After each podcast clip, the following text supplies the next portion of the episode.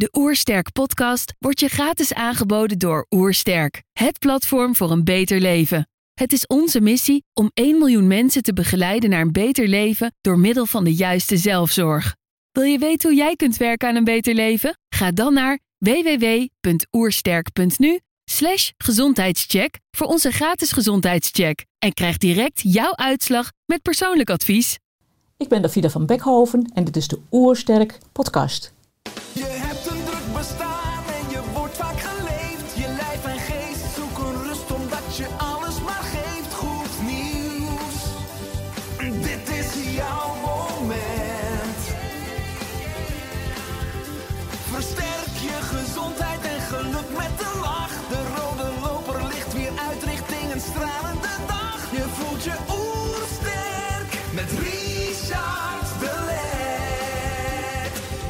We zijn hier in Heemskerk voor een podcast met Davida van Bekhoven.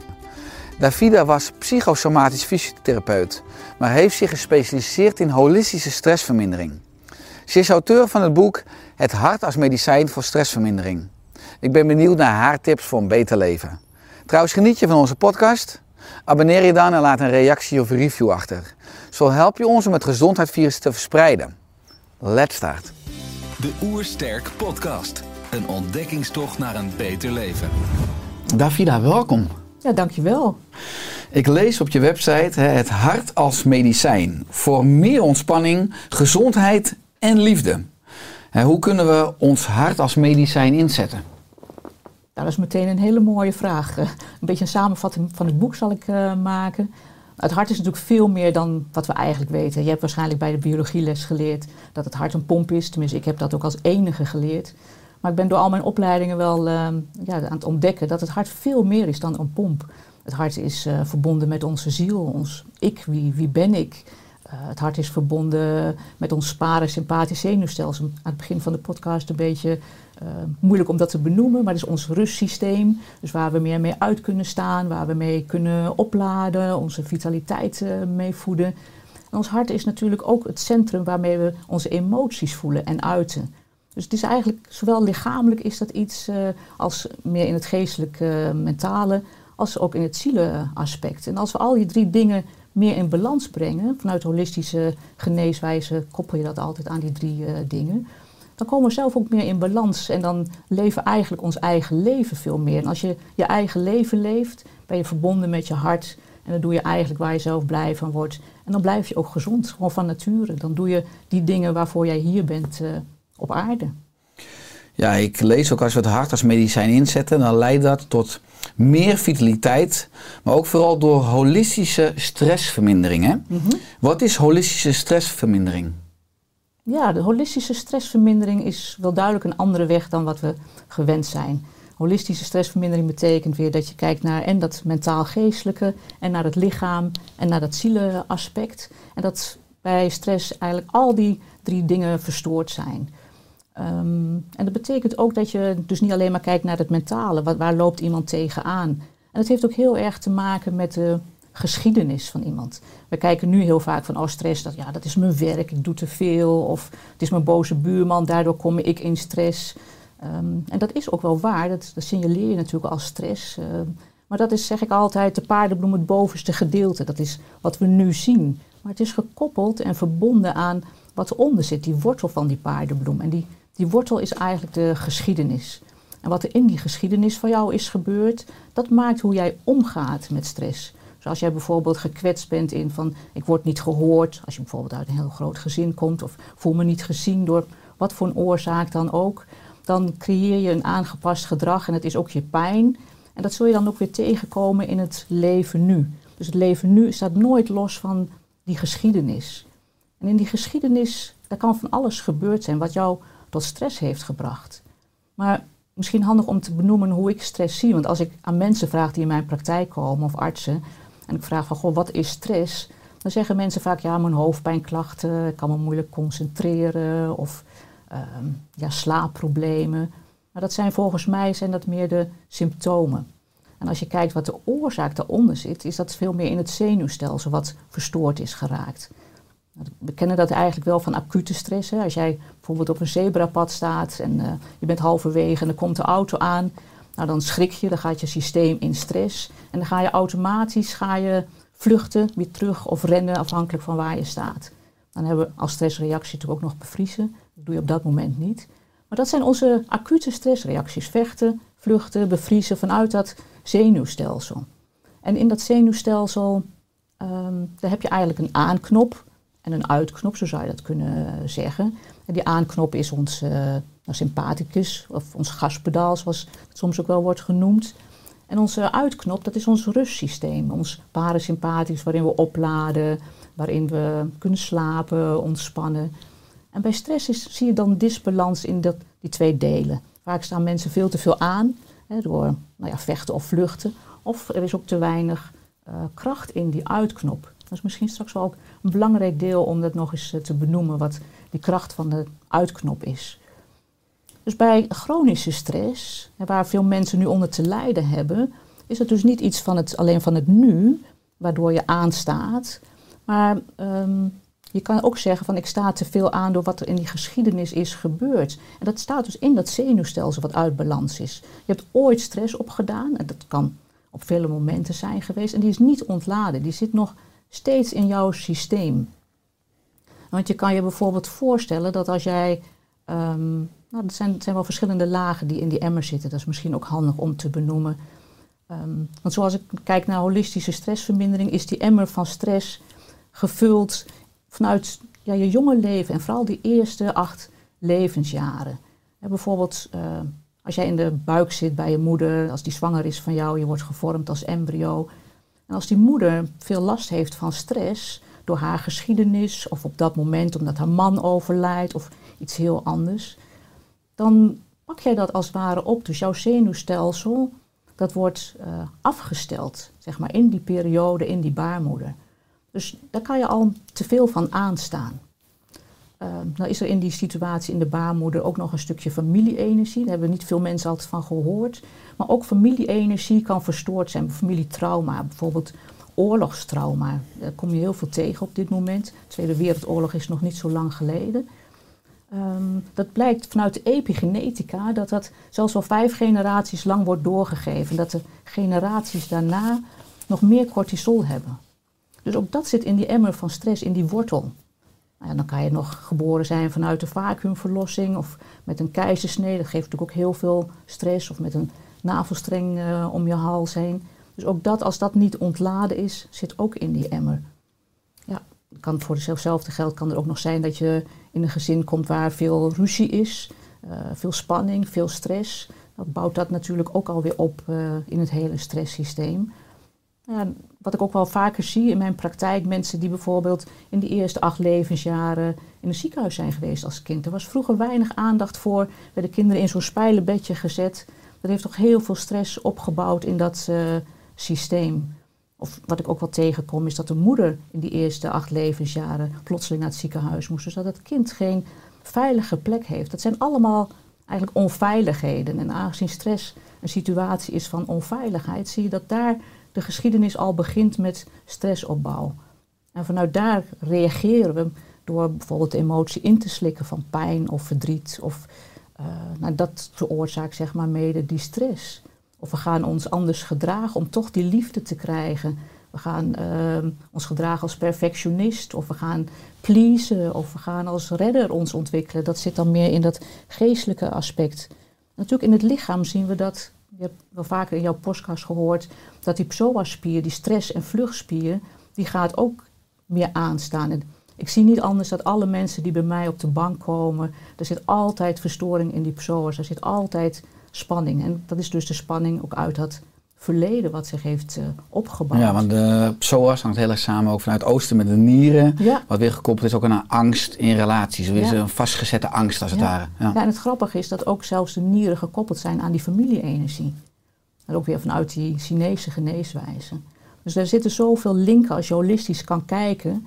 Dan vallen voor mij ook altijd die puzzelstukjes in elkaar. Zo van, oh, het is heel belangrijk om goed die geschiedenis uit te vragen. Om te zien van, ja, maar waar is er nu bij iemand iets fout gegaan? Of waar is dat zenuwstelsel verkeerd afgesteld? Want eigenlijk is bij stress dat zenuwstelsel ooit in het verleden verkeerd afgesteld. He, ze zitten eigenlijk nog Op de parkeerplaats staat je auto stil, maar het gaspedaal staat nog aan, die toerenteller staat aan.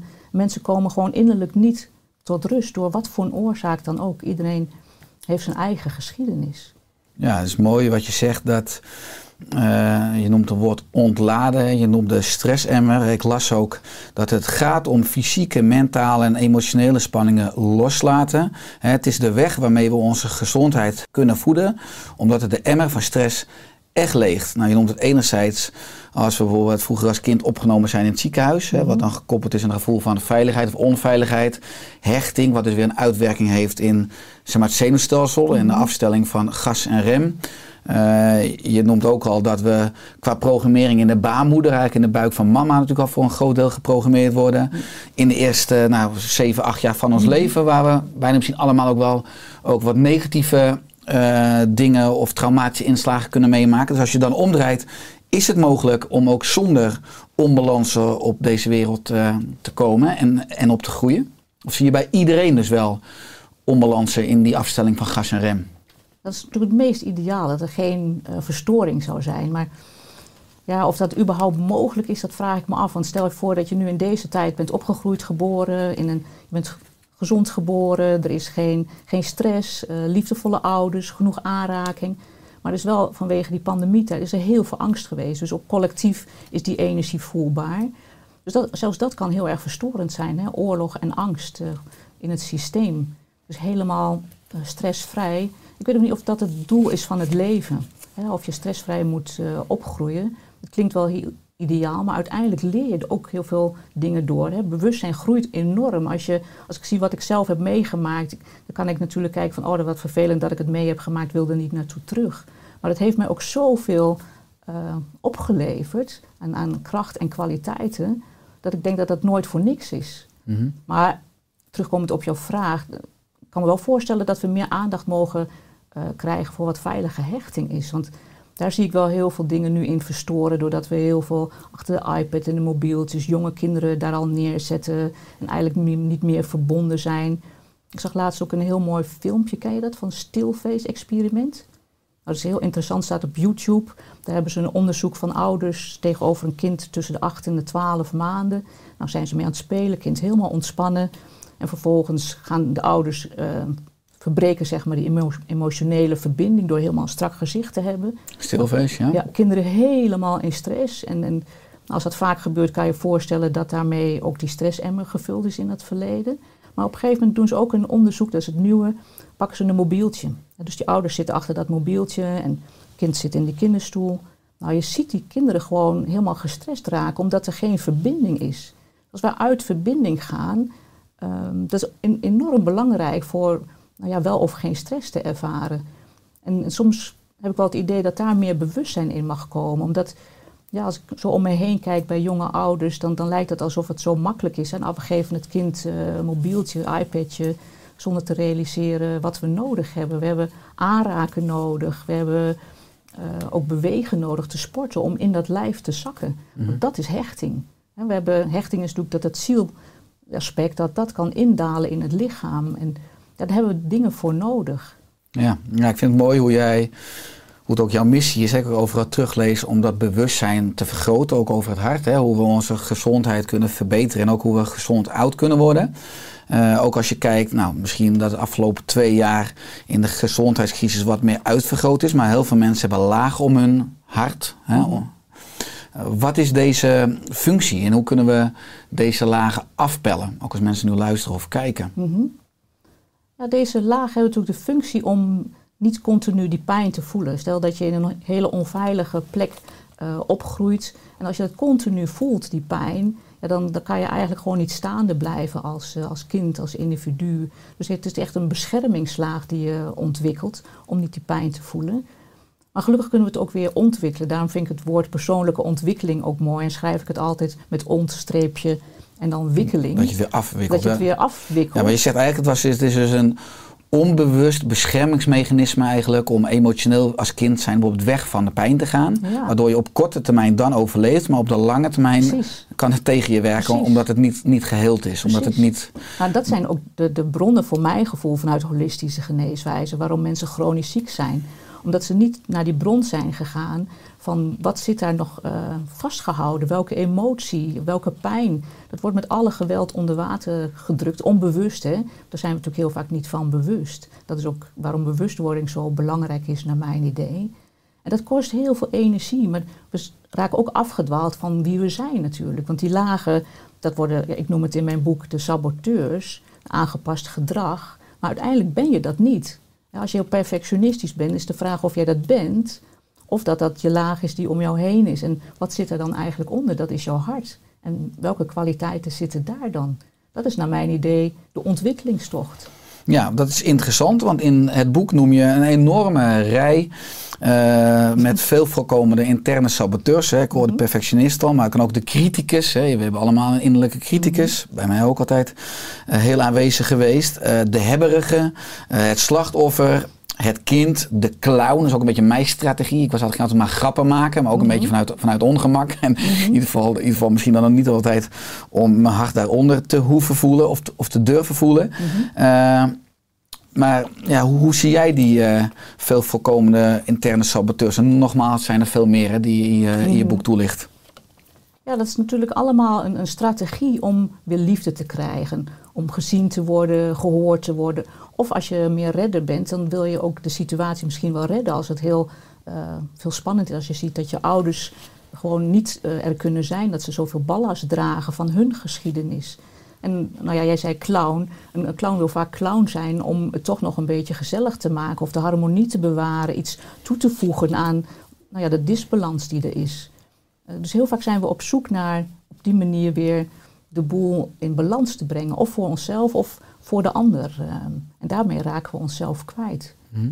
En dat, ja, eigenlijk is dat wel heel interessant als je zo kan kijken naar je gedrag. Dat je ook op een gegeven moment kan leren scheiden van doe ik dit nu om, voor de ander? Doe ik dit nou om eh, liefde te krijgen van de ander? Of om geliefd te worden? Stem ik me af op die ander? Dat, dat is de saboteur of de ego, hoe je het ook wil noemen. Of doe je het vanuit jezelf? Vanuit je innerlijke drive, vanuit je, wie je bent, vanuit je hart. En dat is naar mijn idee ook dat volwassen bewust worden. Hè? Je, als kind zijnde eh, reageer je vanuit die saboteur. En volwassen bewustzijn, hè, emotioneel volwassen worden, betekent dat je weer voelt van, maar wat wil ik zelf eigenlijk? Waar word ik blij van?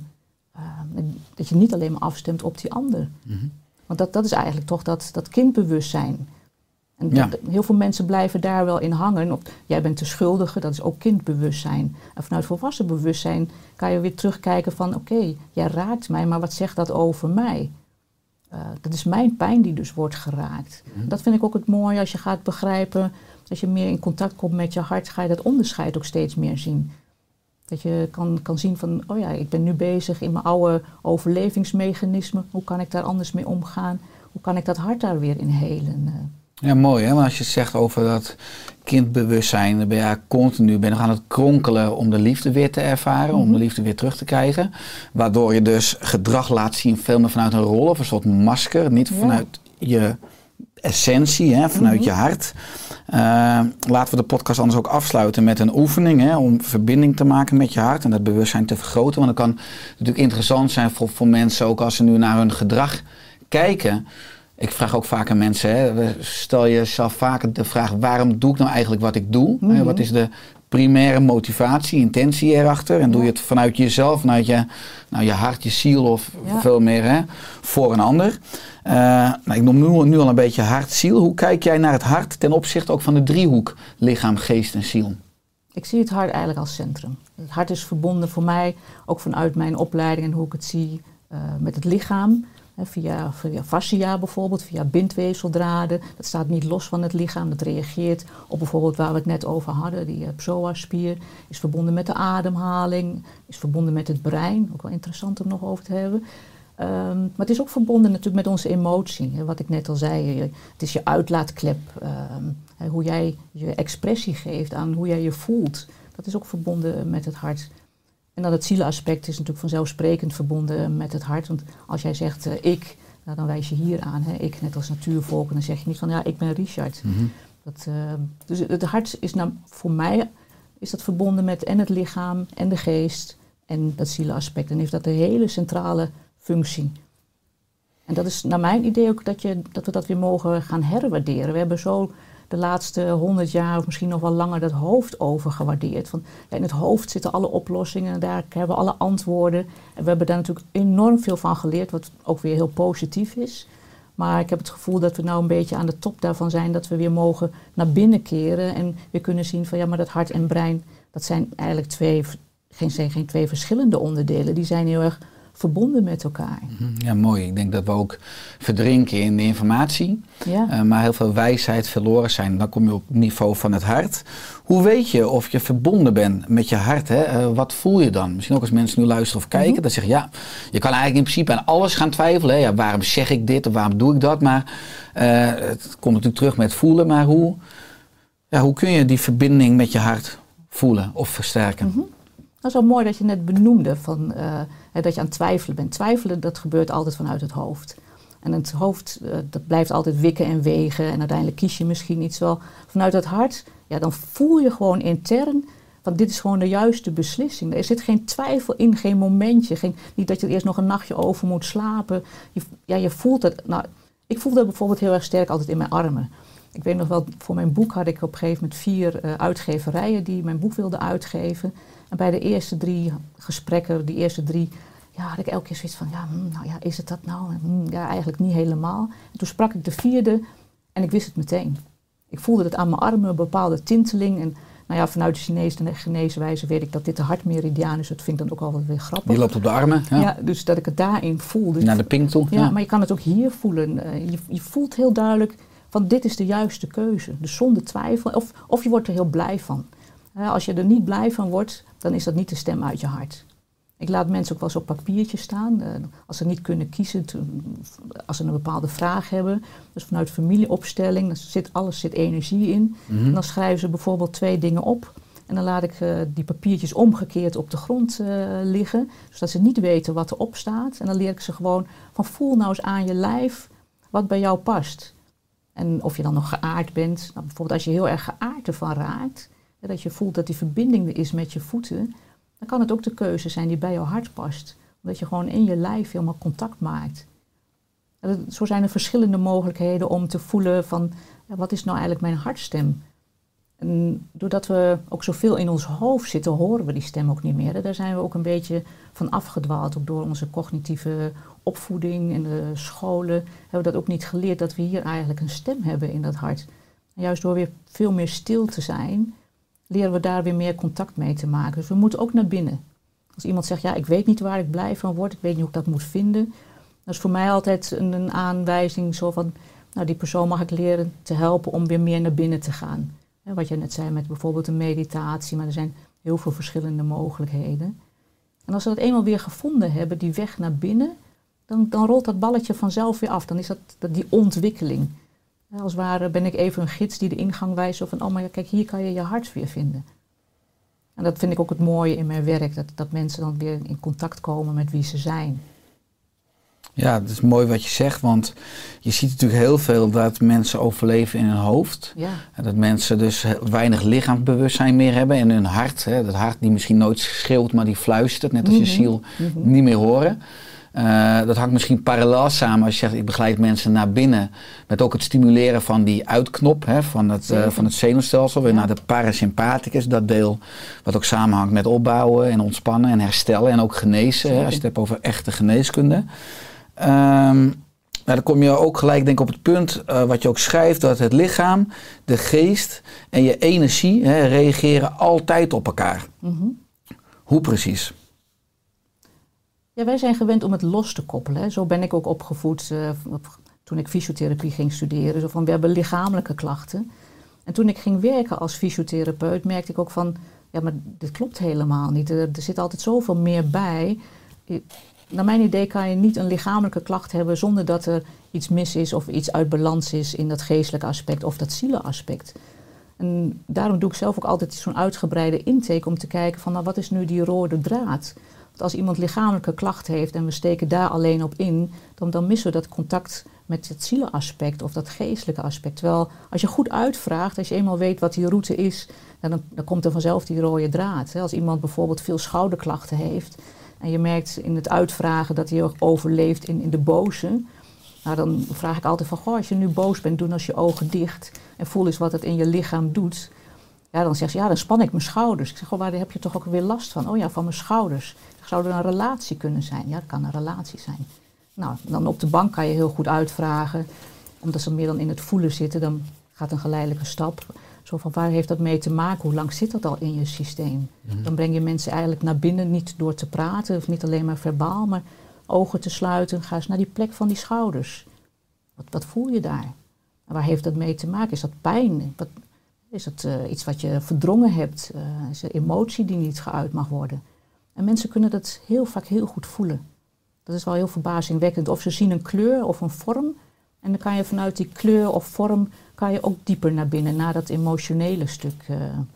Ja. Ik zie dat nooit los van elkaar. Want vaak zie je ook wel problemen dan of op het werk of dat ze ergens in blijven hangen waar ze niet blij van worden. En dan zie je die driehoek weer van ze hebben en lichamelijke klachten en er zit iets waar ze mee hebben overleefd, hè, die saboteur. En er zit op dat zielaspect een verstoring dat ze, nou ja, ergens problemen mee hebben met zingeving of met, met werk vinden of, of wat dan ook. Ja, nou, dat is natuurlijk mooi met het woord holisme, hè, dat alles Ja, verbonden is. ja. En die eenheid, die hoor ik hier ook weer terug. Het mooie is wel dat heel veel fysiotherapeuten eh, misschien meer echt inzoomen op het fysieke en het bewegingsstelsel. Natuurlijk ook wel natuurlijk uit de praktijk zullen herkennen dat er altijd een body-mind koppeling is. hè, met betrekking tot hoeveel stress er is. Hè, ook als je het hebt over het mentale, of het emotionele, of qua zingeving het spirituele. Dat is mooi ook als ik dan aansluit op jouw levenspad. Want je zegt je ging fysiotherapie studeren. Met later de specialisatie psychosomatische fysiotherapie. En daarna volgden vele opleidingen. Waaronder klassiek homeopaat, craniosacraaltherapie. eh, praktische Chinese geneeswijze, acupressuur en filosofie. En ook hartcoherentie. En welke inzichten hebben deze oplei- opleidingen jou gebracht? Oeh, enorm veel. Ehm, in eerste instantie, toen ik psychosomatische fysiotherapie eigenlijk direct na mijn opleiding ging doen, had ik zoiets van, oh, dat is het. Ik dacht dat dat de antwoorden gaf. Want toen zag ik relatie tussen stress en het lichaam. Maar dat was eigenlijk toch nog wel een beetje meer de stress, wat ik net zei, van die paardenbloem, het stress in het nu. Maar dat heeft me wel heel veel toen gebracht. Nou, voor de luisteraar, psycho is natuurlijk heel erg van de psyche, de geest. En soma betekent het lichaam. Dus psychosomatiek is natuurlijk al het samenspel tussen Ja. lichaam en geest. Ja. Dus dat was het eerste inzicht. En toch ontbrak er nog steeds weer iets aan. Elke keer als ik merkte in mijn praktijk van oh, hier, hier kom ik niet meer verder. Hoe moet ik hier toch mee aan de gang? Dan, dan bood het voor mij weer de uitdaging van oh, ik ben wel geïnteresseerd in weer een nieuwe opleiding. Eh, dat is mijn nieuwsgierigheid eh, een beetje. En toen ik eh, klassieke homeopathie ging studeren, toen ontstond daar eigenlijk de verbinding met dat zielenaspect. Dus dan, daar werd al veel meer holistisch gekeken naar, eh, ja, je hebt een lichaam, je hebt een geest en je hebt dat zielenaspect. Dat was voor mij niet helemaal nieuw, want ik, ik las wel heel veel boeken, maar ehm, wel om er zo als therapeut naar te kijken. En dat dat ook verbonden is met ehm, ja, hoe je in je vel zit. Dus dat gaf mij heel veel verdieping. Alleen heeft dat vak ehm, voor mij, daar, heb daar werk ik eigenlijk niet meer in, omdat ik heel graag met mijn handen eh, wil werken. Omdat ik wil voelen en wil vasthouden eh, op de bank. Omdat je dan kan voelen in het lijf wat er eh, met iemand uit balans is geraakt. Het heeft me wel heel veel inzichten gebracht. Ehm, daar hebben we ook heel veel aan, aan psychologie nog veel dieper gedaan. En ook dat creatieve vorming, dat je daarmee ook contact kan maken zeg maar, met dat zielenaspect. Dat deden we ook in die opleiding. Het was eigenlijk een scholingsweg. Vijfjarige scholingsweg voor mezelf en voor kennis. eh. Ja, maar dat is inderdaad één opleiding geweest. eh, klassiek homeopaat. Je hebt een hele rit. Dus ik vind ik zelf ook leuk aan mijn eigen weg. Ik bedoel, als je op een punt komt dat je denkt, ik heb het antwoord of alle antwoorden, dan stop je. Maar het is ook een soort zoek, eh, zoektocht. Eh, ik lees ook eh, dan in jou op je website en in je boek dat vooral de vraag, wat is de oorzaak van ziekte? Die vraag voor jou een belangrijke grote drijf is geweest in jouw zoektocht. Hè? Zeker. Ook met al die opleidingen, maar ook in je praktijk. Welke antwoorden heb je gevonden hè, op die eigenlijk essentiële vraag: wat is nou de oorzaak of de wortel dus van ziekte? De wortel van ziekte is dat je niet je eigen leven leidt. Dat je, ja, zoals wat we net al over hadden, dat je je hebt aangepast om wat voor reden dan ook. En als je daarin blijft hangen, je niet je eigen leven leidt, dan word je ziek. En, en ziek zijn is voor mij ook het acculampje wat aangeeft van hé, hey, ik heb geen contact met mezelf. Dus geen contact met wie ik ben, met mijn zielenaspect. Dus we hebben daarin lichamelijke symptomen als acculampje, we hebben geestelijke symptomen als acculampje. Maar uiteindelijk gaat het om, om de ziel. Als jij contact hebt met wie jij bent, waarvoor jij hier op aarde bent, dan ben je niet ziek. Dan raak je niet uit balans. Maar soms hebben we ook nog wat op te ruimen van onze geschiedenis natuurlijk. Maar dat is naar mijn idee ook ehm, waarom chronische ziektes nog breder aangepakt kunnen worden. Dat we nog meer naar die wortel gaan van waarom is iemand ziek? Natuurlijk heeft dat vaak te maken met ehm, voeding en beweging, dat dat uit balans is. Maar als we dat uh, geestelijke aspect daarbij vergeten of die stress vergeten die opgedaan is. Noem bijvoorbeeld een, ehm, iemand met emotie eten. Die, die kan heel goed op dieet gaan, dat werkt heel goed, die gaat bewegen, maar kan het niet volhouden. Dan zit er naar mijn idee altijd nog iets onder in, wat in die wortel is gebeurd in de geschiedenis. Uh, de pijn van niet geliefd te zijn ergens, of niet gehoord of gezien te worden. En die emotie is ooit ergens onderdrukt. En dat doen ze nog steeds in het huidige leven. Dat is een patroon. En als je daar iets in kan loslaten van die pijn, dan bevrijd je eigenlijk jezelf. En dan, heb je, dan kan je dat emotie eten ook weer loslaten. Dus dat is geen trucje van hoe je dat moet doen, maar dat is eigenlijk van binnenuit. Als jij weer heelt, als je weer wordt wie je bent, dan veranderen de, de symptomen daarin ook. Dat vind ik eigenlijk het mooie van zo'n holistische geneeswijze. Dat je uh, niet iemand adviezen geeft, maar dat je de lagen afpelt die je hebt uh, ontwikkeld hè, om, om te overleven. En als je die ontwikkelt, dat je dan vanzelf beter wordt op al die vlakken. Dus als er nog ergens een ziekte is, dan is er nog werk aan de winkel, naar mijn idee. Ja, het is prikkelend dat je dat zegt. Want ik zeg soms natuurlijk als mensen in mijn praktijk voor integrale geneeskunde kwamen, zeiden heel veel mensen, ik heb klachten. Mm -hmm. eh, draaide ik maar, ik zei, heb je lichaam misschien klachten over jou? Hè? Als je kijkt naar leefstijl, maar ook mm -hmm. naar denkstijl, maar zelf naar ook een stukje zijnstijl, als je het hebt over de ziel. Mm -hmm. uh, je ziet enorm veel uh, klachten in je praktijk. Uh, of mensen met klachten moet ik ja, zeggen. Precies. De klacht zelf belt niet aan. Maar je, mensen mm -hmm. met hoofdpijn, spierpijn, slaapproblemen, rugklachten, pijnklachten, vermoeidheid, burn-out, concentratieproblemen, duizeligheid, emotionele disbalans, niet lekker in je vel zitten, wat enorm veel voorkomt. Uh, mensen die enorm veel of te veel in, uh, in het hoofd zitten. Mensen met stress, mensen met oorsuizen, mensen met hoge gevoeligheid. Nou, die zie je in je praktijk. En de praktijknaam is Centrum Hestiada. -hmm. Wat betekent deze naam precies, Hestiada? Dat is een afkorting of een samentrekking van Hestia, de godin uh, Hestia. Uh, dus de godin van de ronde cirkel. En DA, Da, zijn de eerste letters van Davida. En uh, toen ik die naam bedacht voor mijn praktijk, gaf ik nog cursus uh, mandala tekenen. En mandala tekenen, dus heel erg ook vanuit de Jungiaanse psychologie, is ook weer het symbool van heel worden. Dus dat heel worden heeft mij altijd geïntegreerd. En Hestia is de, de godin van de, de ronde tempel, dus ook weer van die cirkel. En alles uh, wijst dan eigenlijk op, als we weer heel worden, zijn we dus weer verbonden met, met de heelheid. En is er niet nog een stukje wat er, wat er af is, wat nog onder water is. En als we weer helemaal rond zijn, weer helemaal compleet zijn, dan zijn we weer wie we zijn.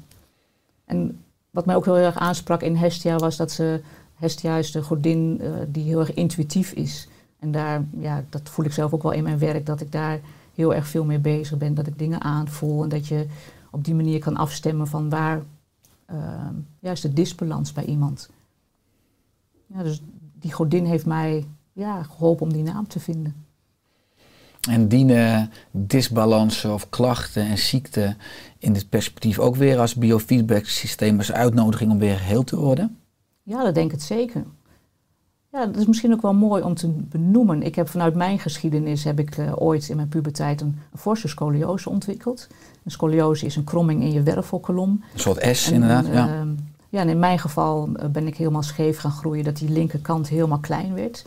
En zo klein dat ik in een uh, corset moest. Um, en een corset vanaf de kin tot aan mijn bekken. Dus ik werd recht opgehouden. Ik had geen steun. Um, maar die linkerkant staat vanuit die holistische geneeswijze voor die gevoelskant. Dus mijn gevoelskant is door mijn geschiedenis, die, is, die maakte ik eigenlijk helemaal klein. En ging overleven met mijn rechterkant, mijn, mijn ratio en mijn sterk zijn, van ik kan alles. En, um, en dat heeft natuurlijk heel veel gebracht. Maar het, mooie vind ik eraan, zeker de laatste jaren, dat ik merk dat die scoliose helemaal aan het recht trekken is. Dus dat je ziet als je steeds verder heelt, dat dat niet alleen maar iets is uh, op het zielenniveau of op het geestelijke niveau, maar dat zelfs dat lichaam mee verandert. Ik vind het fascinerend vanuit die holistische geneeswijze, om dat ook zelf zo te ervaren in mijn lichaam. Ja, en benoem je dan vanuit dit, dit perspectief, als je zegt dat hè, die scoliose trekt steeds meer eh, recht of komt Mhm. weer steeds meer in balans, dat heling ook geen eh, statisch punt is, maar een levenslang proces? Jazeker. Ja, ik, ik kan me ook voorstellen, bij mij werd gezegd van nou ja, daar moet je mee leren leven. En met zo'n scoliose, dat is nou eenmaal, dat zit in je gewrichten, in je botten. Dat groeit vast, ook door dat corset. Nou, zo heb ik het nooit zelf ervaren. En ik denk ook dat de, de uitdaging is dat iedereen met een chronische ziekte eh, kan kijken naar die wortel. Om te kijken van ja, maar waardoor eh, is dat dan eigenlijk ontstaan? Want er zijn 80% van de chronische ziektes hebben te maken met een verstoring in het autonome zenuwstelsel. Dus in een verstoring in de balans van aan en uit, maar ook een verstoring in het hart. Want het hart is onderdeel van dat zenuwstelsel.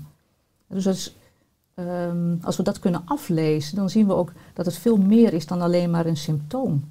Want als je terug kan gaan weer naar dat hart, dat dat verstoord is, dan zegt het eigenlijk elk symptoom, slecht, of elke ziekte zegt van, hé, ik ben niet verbonden met wie ik ben. Om wat voor reden dan ook. Hè, wat er in die emmer is gekomen. Ja, dat is misschien ook wel mooi om hier meteen op in te haken. Want ehm, als 80% van de ziektes een verstoring is in dat zenuwstelsel, dan zie ik weer heel veel relatie met dat eh, parasympathische zenuwstelsel, dat rustsysteem. En dat rustsysteem wordt heel erg gevoed, of is erg verbonden met ons hart, maar ook met de nervus vagus. Dat zegt niet iedereen. De grootste hersenzenuw, de Ja, tiende de- hersenzenuw. De tiende Ja. hersenzenuw. Ehm, maar het blijkt, als wij niet ehm, veilig gehecht zijn, dan raakt dus die tiende hersenzenuw, die nervus vagus en dat hart, die raken uit balans. Dus die ehm, worden als het ware verzwakt. En dat vind ik wel het meest intrigerende van mijn opleiding. En wat je net ook vroeg, wat heeft het je gebracht? Dat heeft de opleiding van hartcoherentie mij ook heel veel gebracht. Zo van, oh, je staat dus niet alleen maar te veel aan, dat denken wij vaak. Maar je hebt ook gewoon een, een te weinig rusteilandje. Dat heb je gewoon niet. Ik had laatst eh, van de week nog iemand in mijn praktijk. Iemand met zoveel paniek, eh, onrust. Nou, ze is al bijna 70, de hele leven lang. En ehm, nou, toen ging ik naar haar geschiedenis. En toen bleek dat zij niet veilig gehecht was. Zij was gewoon niet aangeraakt door haar ouders. Zij voelde zich ook als een kuikentje, helemaal eenzaam in eh, een hele grote ruimte. En dat was voor mij een, een signaal dat die nervus vagus gewoon heel erg verzwakt was. Omdat die dus zich ontwikkelt door veilige hechting. En toen we daarmee bezig gingen, toen ik haar daar twee oefeningen voor gaf om die te versterken, toen zei ze van, goh, ik voel rust. Dit heb ik nog nooit gevoeld. Ik voel warme ar- armen, handen. En ik voel me in mijn lichaam zakken. Dit heb ik nog nooit gevoeld. En dat was zo simpel. En dan moet ze dat blijven voeden natuurlijk. Hè, want dat is niet iets wat een, knopje is om te, te resetten. Maar het is wel de weg naar resetten. En als we zulke paniekstoornissen dan alleen cognitief gaan bekijken... of we geven tips hoe je uit bepaalde situaties kan blijven... dan los je het intern niet op.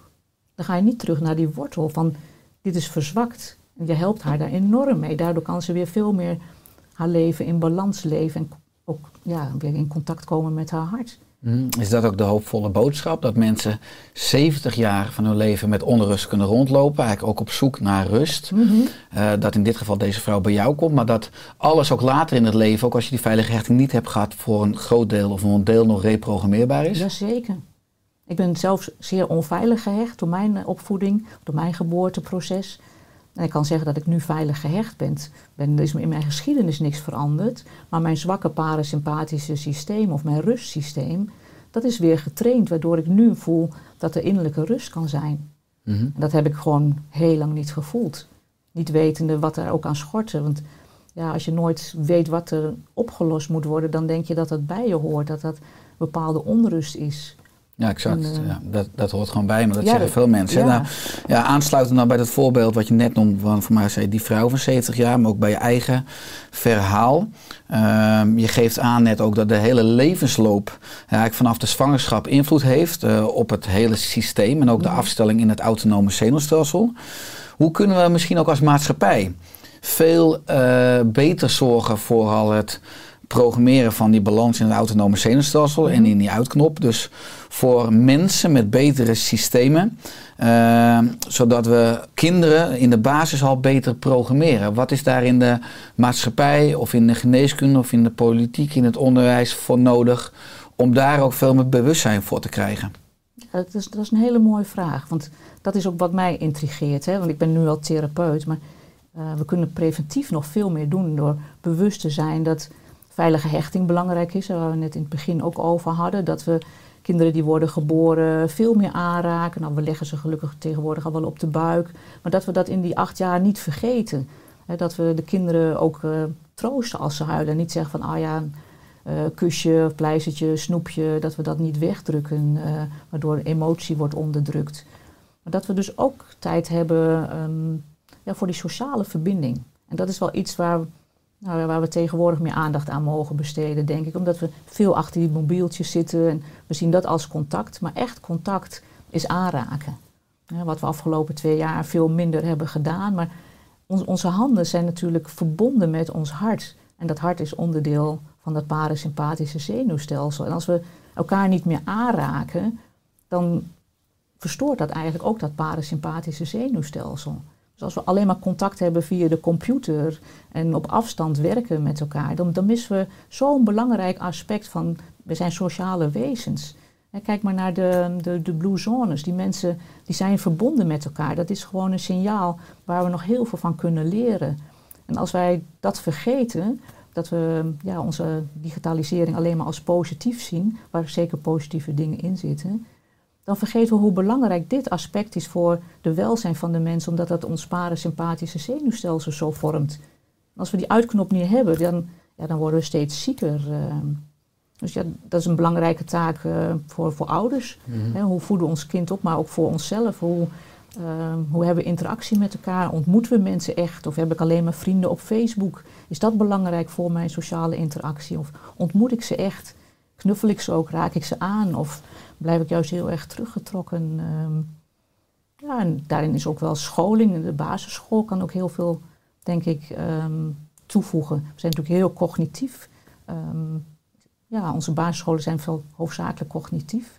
Maar wat jij beschreef vanuit je scoliose, mm -hmm. hebben we het basisonderwijs ook veel meer dat we allemaal uh, het, het cognitieve, rationele brein aanspreken, ja. ook met het onderwijs. Ja. Dus dat bijna ieder kind kan vanuit dat perspectief een scoliose krijgen. Terwijl we de andere kant van het brein, met emotioneel, voelen, spiritueel, uh, mentaal, uh, daar laten we eigenlijk nu heel veel liggen. We worden als kind qua onderwijs niet echt holistisch compleet nee, gedoseerd. Of, ja. ja, en zeker, jij, jij noemt dan linker-rechter hersenhelft. Dat is al heel mooi, want dat hoort samen.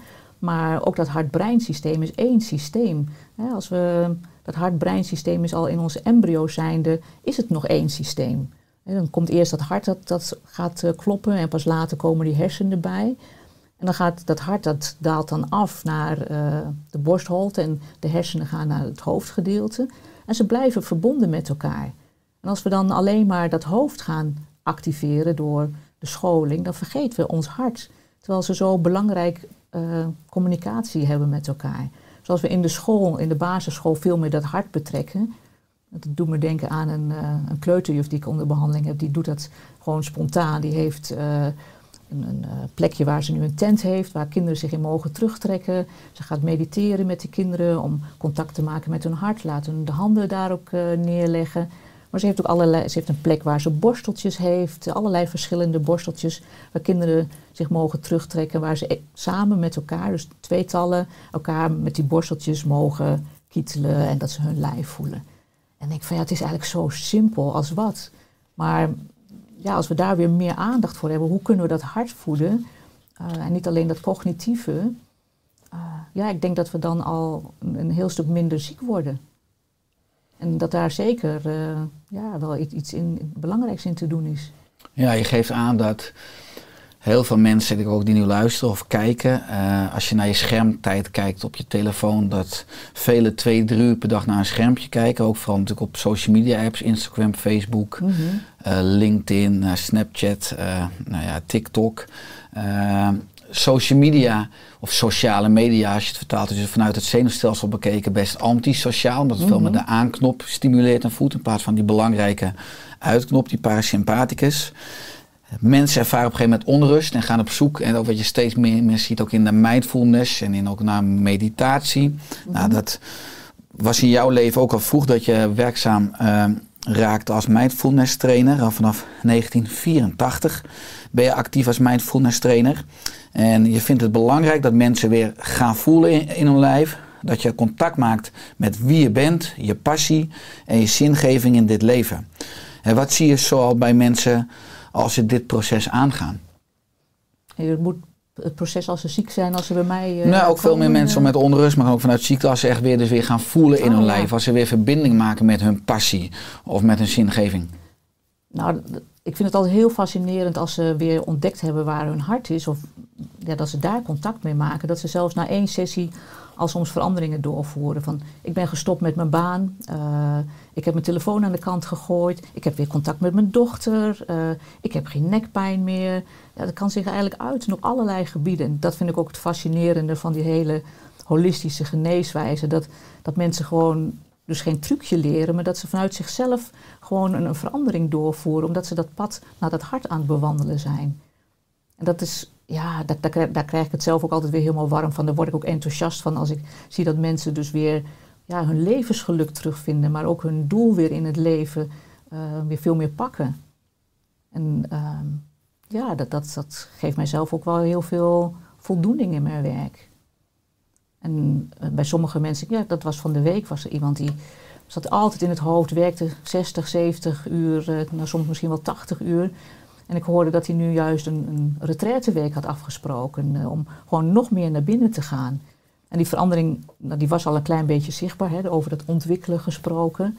Maar ik zie dat hij nu weer veel meer zichzelf ehm, ja, gaat ontmoeten. Dus zichzelf aan het worden is, terwijl hij zich heel erg had afgestemd nog steeds op dat kindbewustzijn vanuit die saboteur van oh ik moet mijn best doen en eh, ik moet die 70 uur werken, want dan ben ik pas iemand. En ja, dat hij zich aan het verzachten is. En ja, dat zijn zulke prachtige ontwikkelingsprocessen.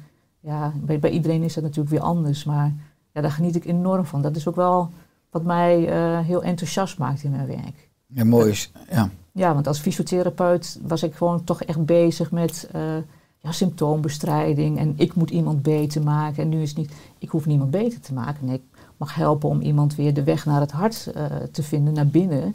En als iemand daar mee mee kan gaan, ja, dan, dan gebeuren die veranderingen vanzelf. Dus ik ben meer een katalysator of een gids. hè, En meer niet. Ja, ik vind het prachtig.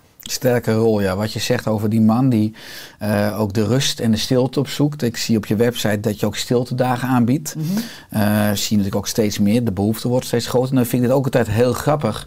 Omdat eh, iedereen natuurlijk ook iedere dag ervoor kan kiezen om nou, zelf gewoon gratis Mhm. de stilte op te zoeken in je eigen Ja. leven of in je eigen huis. Ja.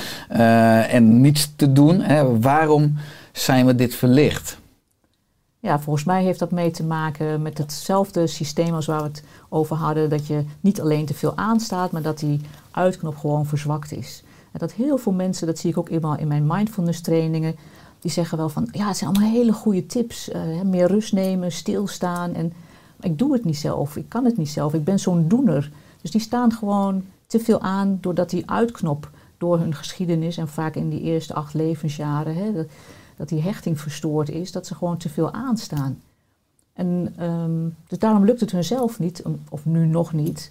En als ze dan eh, naar een stiltedag toe gaan, dan ja, tussen aanhalingstekens, dan moeten ze wel meegaan in die flow van die stilte. En kunnen ze niet even op hun mobieltje kijken of, of ah, nou, nou, nu stop ik ermee. Dus dat helpt hun ook om weer die weg terug te vinden naar die rust en naar dat hart. Dus het is, het is niet fout, denk ik, maar het is een signaal voor mijn gevoel van, ah ja, het lukt gewoon niet om, om, dat, om die tijd ervoor te nemen. Mhm. En als ik goed naar je luister, hè, want dan komt steeds terug dat het belangrijk is dat we meer investeren in die uitknop, hè, in die Mhm. parasympathicus.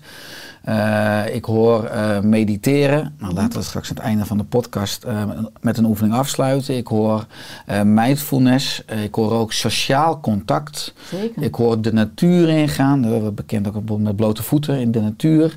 Ehm, zijn het allemaal dus ademhaling, allemaal ingangen om die uitknop te voeden? Ja, zeker. Ja, de mooiste ingangen zijn wel, is mijn ervaring in mijn praktijk, maar er zullen er vast nog meer zijn, is, is nervus vagus training. Daar zijn gewoon specifieke oefeningen voor om het weer te versterken. Met hartcoherentie Eh, bedoel je dan? Of? Ja, dat ook niet eens alleen met hartcoherentie, maar ook gewoon nog andere specifieke nervus vagus oefeningen. En ook vanuit eh, somatic eh, release, ehm, emotional release, kan je ook weer helemaal die nervus vagus sterker krijgen. Dus er zijn heel veel mooie trainingen. Als, als het niet is gebeurd in, die, in, in je jeugd, zeg maar, als je niet veilig bent gehecht, om dat toch weer, weer op te bouwen. ehm. En, Ik word altijd dan een beetje nie- nieuwsgierig ook. Maar is er dan ook een simpele oefening of tip die je kan geven als mensen nu luisteren of kijken en denken, nou, ja, die nervus eh, vagus van mij wil ik ook wel even een positieve impuls geven? ja, dat kunnen we wel ter afsluiting. Ik Dat sluit aan bij de oefening straks die we gaan Ja, doen. ja, Oké, goed. dat een Laten we zo mooie. eh, cliffhanger. Goed. Zo. Ja, precies. Ja, ja. Ja, want nou, het hart eh, is, wat je al mooi aangaf, is het eerste wat klopt in het embryo. Het is denk ik in mijn optiek de basis van het leven. Ja. Dus we zouden het hart ook een centrale plek mogen of moeten geven in de maatschappij. In alles wat we doen, hè, want dat maakt ons volledig mens. Eh, wat zou jij doen als je minister van het hart wordt? Hè? Wat zou je eventueel in de maatschappij veranderen, zodat de maatschappij ook beter op het hart aansluit? Nou, waar we het net al over hadden, zorgen dat de scholen, dat daar niet alleen maar cognitieve ontwikkeling is, maar ook emotionele ontwikkeling. Ehm, dat we in de basis aan ouders ehm, dat ook meegeven, dat dat belangrijk is. Bewustwording, daar gaat volgens mij een hele belangrijke stap over. En dat niet alleen maar de cijfers eh, belangrijk zijn om iets te zijn of iemand eh, te zijn. Ehm, ik denk dat dat wel een hele belangrijke stap is. Als we dat vooral doen in de kinderjaren. Want is net als eh, een taal leren. Als jij dat een tweede taal leert als kind zijnde, dan doe je dat automatisch. Als jij leert als kind zijnde om tanden te poetsen, doe je het automatisch. Als je als kind aanleert of aangeleerd krijgt van, oh ja, gewoon mijn hart mag ook aandacht, dan doe je dat automatisch. Dat zie ik nou ja, bij die kleuterjuf, hoe die dat bij de kinderen al zo spontaan doet. Dat die kinderen dan zeggen tegen de ouders, we hebben nu toch iets moois geleerd van de juf, dat moeten we thuis ook meer doen. Spelende En wijze. gewoon spelende wijs. En ik, ik denk dat daar gewoon de basis ligt. Als we daar meer bewustzijn voor krijgen, ja, dat we dan ook de wereld gewoon veranderen. Dat, eh, ja, dat is ook wel leuk. De, volgens mij is dat de Dalai Lama die dat zei. Als we kinderen leren te mediteren, dan wordt de wereld weer liefdevol. Nou ja, dat is toch eigenlijk zo simpel. Dat is wat meer doen. eh, alles wat er nu is aan polarisatie, eh, kunnen we daarmee ja, toch een, in beweging Inderdaad. brengen. Oordeelvrij, hè? ordevrije Ja, aandacht. ja. Als je het hebt over onze kinderen, dan gaat het ook over onze toekomst. Hè? Natuurlijk ook Zeker. over onze toekomst qua volksgezondheid, maar ook qua zorgkosten of ziektekosten, die nu natuurlijk de pan uitreizen. Ehm, het is natuurlijk enorm belangrijk, net als we bij kinderen dat al zouden doen, is natuurlijk heel erg ook preventief. Nu zie je dat heel veel mensen pas in actie komen vanuit pijn en vanuit noodzaak, Ja. of als het lichaam klachten geeft Ja. of de geest of de ziel klachten geeft. Eh, zijn in jouw optiek mensen bereid om ook echt voldoende geld te investeren in zichzelf? En ik zal je toelichten waarom ik deze vraag stel. Omdat als je kijkt naar het huishoudboekje van mensen of op de rekening, zie je natuurlijk dat mensen enorme bedragen overmaken aan de hypotheek Mhm. of aan de huur of aan de auto, een APK, vakanties en uit eten. Maar ook als ik kijk naar allerlei complementair holistische therapeuten of artsen. Ook bijvoorbeeld op jouw website dat ik zie een intake van anderhalf, twee uur hè, voor 100 euro. Eh, denk ik, jeetje, dat is echt heel weinig geld. Als je je auto al wegbrengt bij monteur, betaal je vaak al 110 euro per uur aan monteurs. Maar het is ook een beetje in de cultuur, hè, dat mensen, wat ik ook ervaren heb in mijn praktijk, als ze investeren in zichzelf, eh, nou, daar, daar niet bereid toe zijn. Of ik vind dat leuk, misschien altijd het kind van de rekening zijn, of dat het als laatste aan bod komt. Wat, dus dan weer terug naar mijn vraag, zijn mensen bereid in jouw optiek om voldoende geld te investeren in zichzelf of in hun hart, ook juist preventief?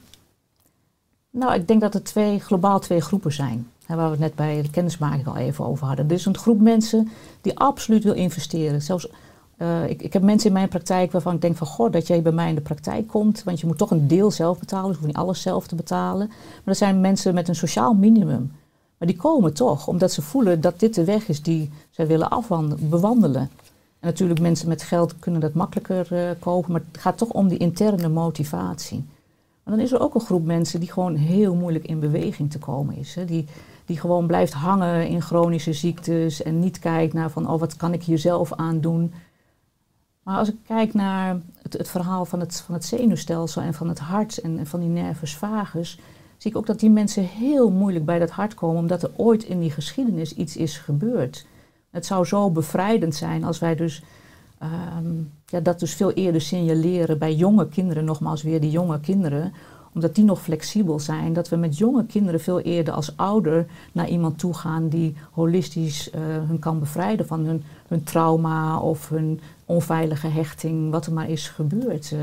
Maar in die eh, ideale situatie dat ook in de reguliere geneeskunde al emotionele poortwachters zijn. Hè? Dat is nu de huisarts. Maar Ja. dat, dat het ook eerder in het reguliere systeem misschien wel opgemerkt kan worden. Omdat we dan Ja, ook veel meer op heling eh, gaan aansluiten. Ja. In plaats van alleen maar eh, genezing. Wat misschien alleen het fysieke vlak is. Ja. Ja.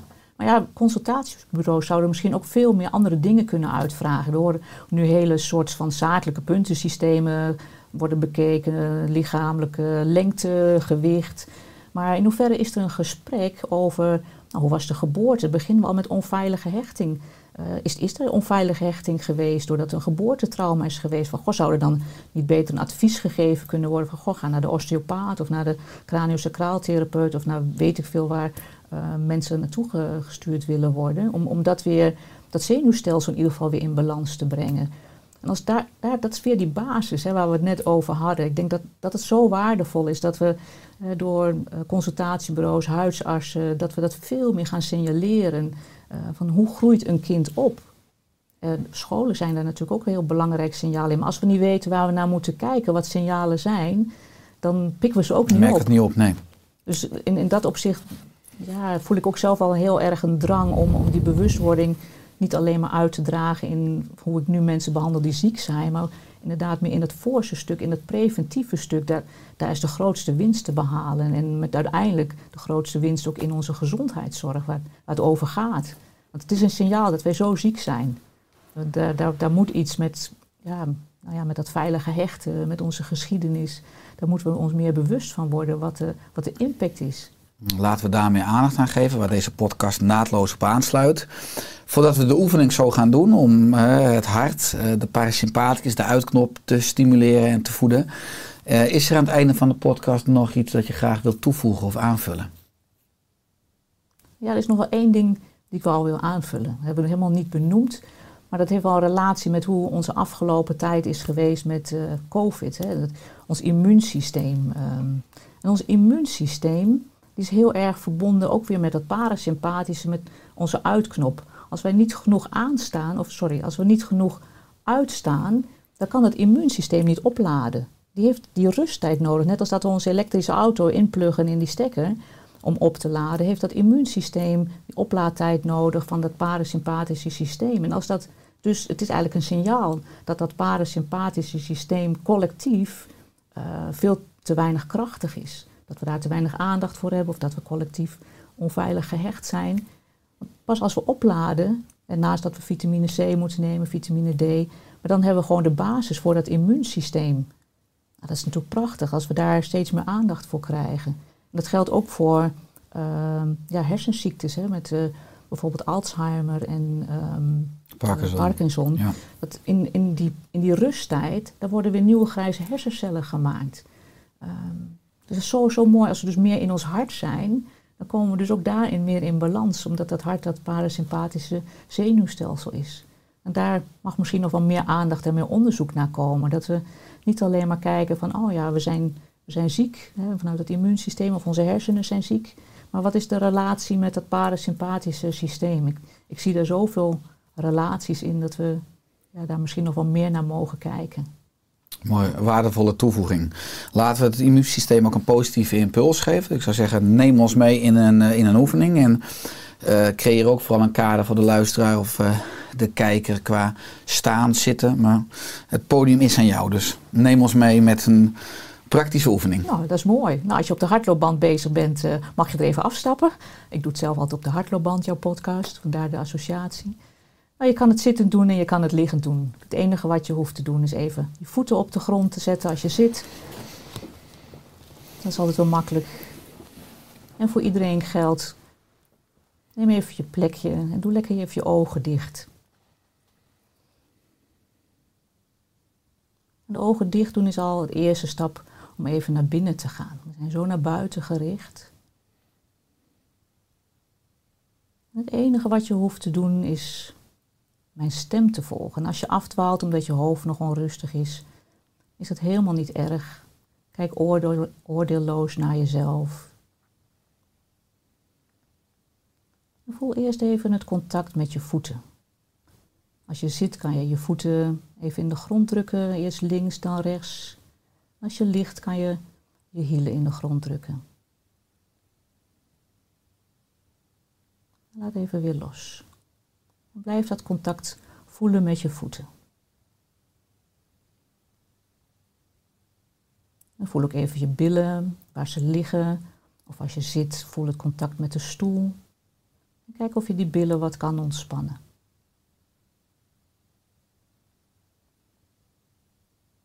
En voel even waar je schouders zijn. Misschien waar ze contact maken met de stoel of met de matras.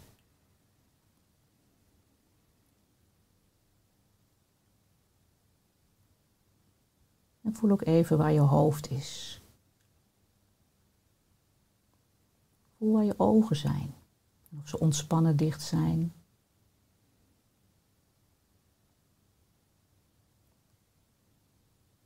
ga met je aandacht even naar je kaken. Daar zit weer heel veel spanning in vast. Kijk of je je onderkaak wat kan laten zakken. Alsof je gaapt, maar zonder dat je mond open hoeft te gaan.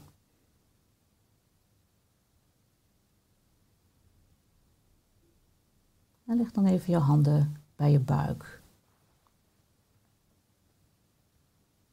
Voel even het contact van je handen met je buik.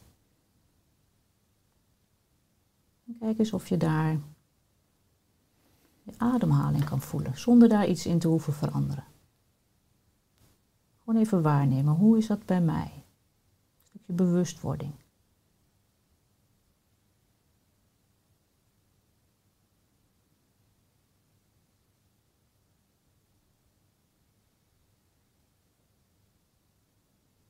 En kijk eens of je wat rustiger kan ademhalen. En hoe rustiger je kan ademhalen, hoe rustiger het zenuwstelsel wordt, hoe rustiger het hart wordt.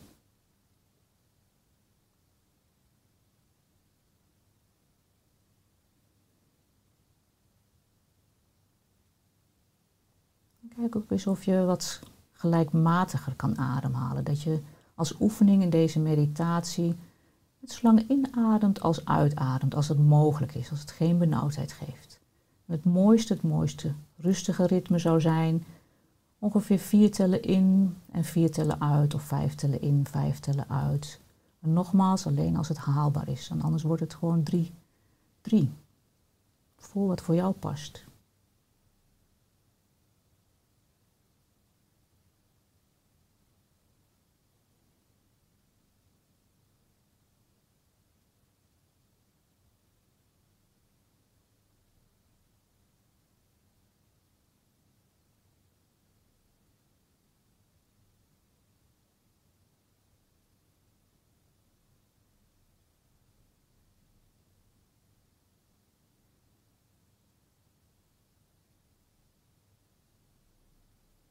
En leg dan even één hand bij je hartgebied.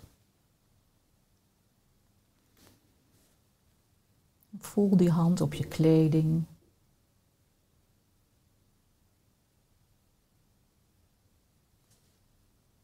Dan gaan we de weg naar binnen, naar het hart. Stel je voor dat onder die kleding jouw huid is.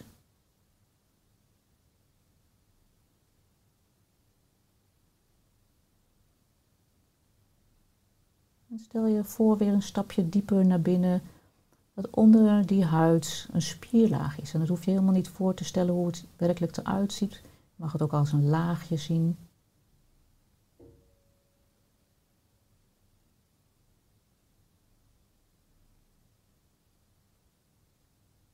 Als je nog een laagje dieper naar binnen gaat, dan kom je bij je ribben en je borstbeen.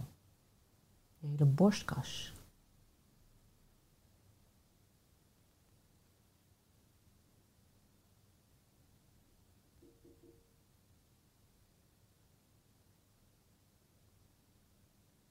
Als je daar naar binnen gaat, nog verder een stapje dieper naar binnen kijkt als het ware, dan kom je in de ruimte waar jouw hart is, iets links van je borstbeen.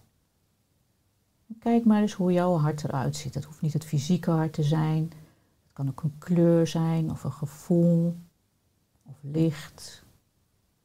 Maak gewoon eens met jouw hart contact.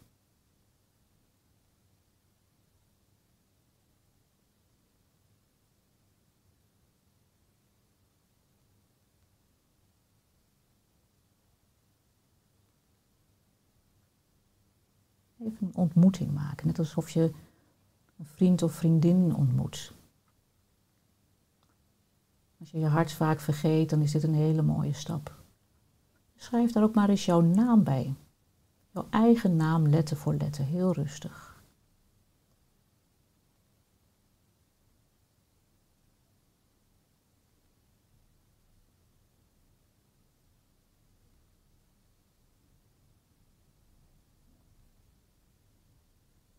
Terwijl je rustig blijft ademhalen in je buik, stel je voor dat er een mooie bron van licht voor je is. Misschien zit je wel voor een raam of zie je de zon, wordt het wat makkelijker. Je stelt je voor dat als je gewoon rustig blijft ademen in je buik, dat je dat licht kan inademen richting je hart, het hele hartgebied. Elke keer opnieuw, bij elke inademing.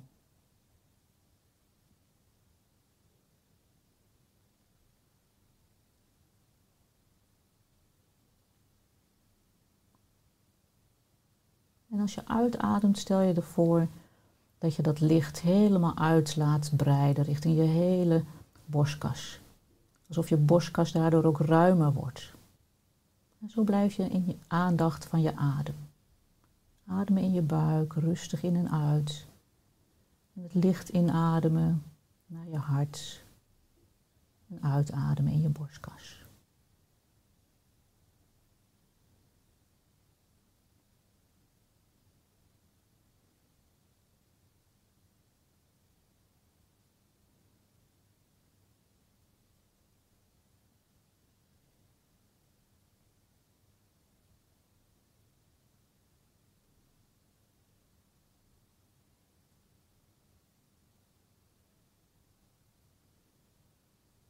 Voel maar eens wat het met je doet. Dit is een korte versie, maar voel maar eens of er wat verandert in je rust, of dat je meer in je lichaam zakt, of dat je handen warmer worden. Dat zijn signalen dat je parasympathische zenuwstelsel wat meer tot rust komt en zich kan ontwikkelen, krachtiger kan worden. Als je je dagelijks aandacht aanbesteedt, bijvoorbeeld s morgens als je wakker wordt of s'avonds als je gaat slapen, dan kan het steeds krachtiger worden. Alles wat je aandacht geeft, dat groeit.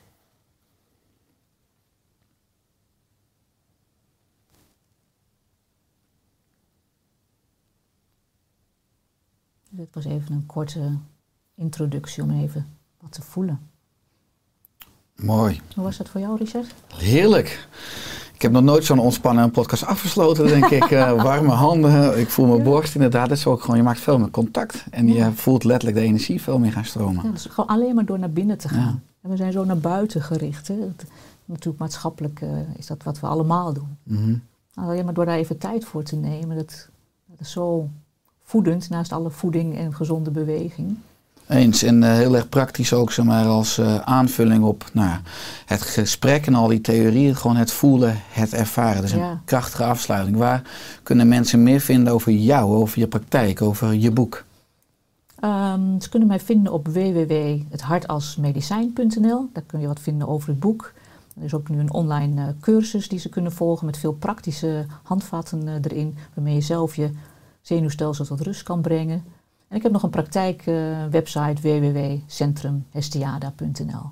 Daar kunnen ze wat vinden over mijn werk als therapeut.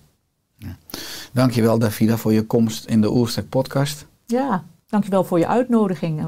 Fijn om met mensen zo te verbinden die iets doen om de gezondheid echt eh, krachtiger te maken. Wederzijds met liefde. En laten we ook weer samen bouwen aan een wereld waarin we het hart veel meer gaan inzetten als medicijn. Dat is hartstikke mooi. Alle goed. Ja, dankjewel. Hetzelfde. Dankjewel.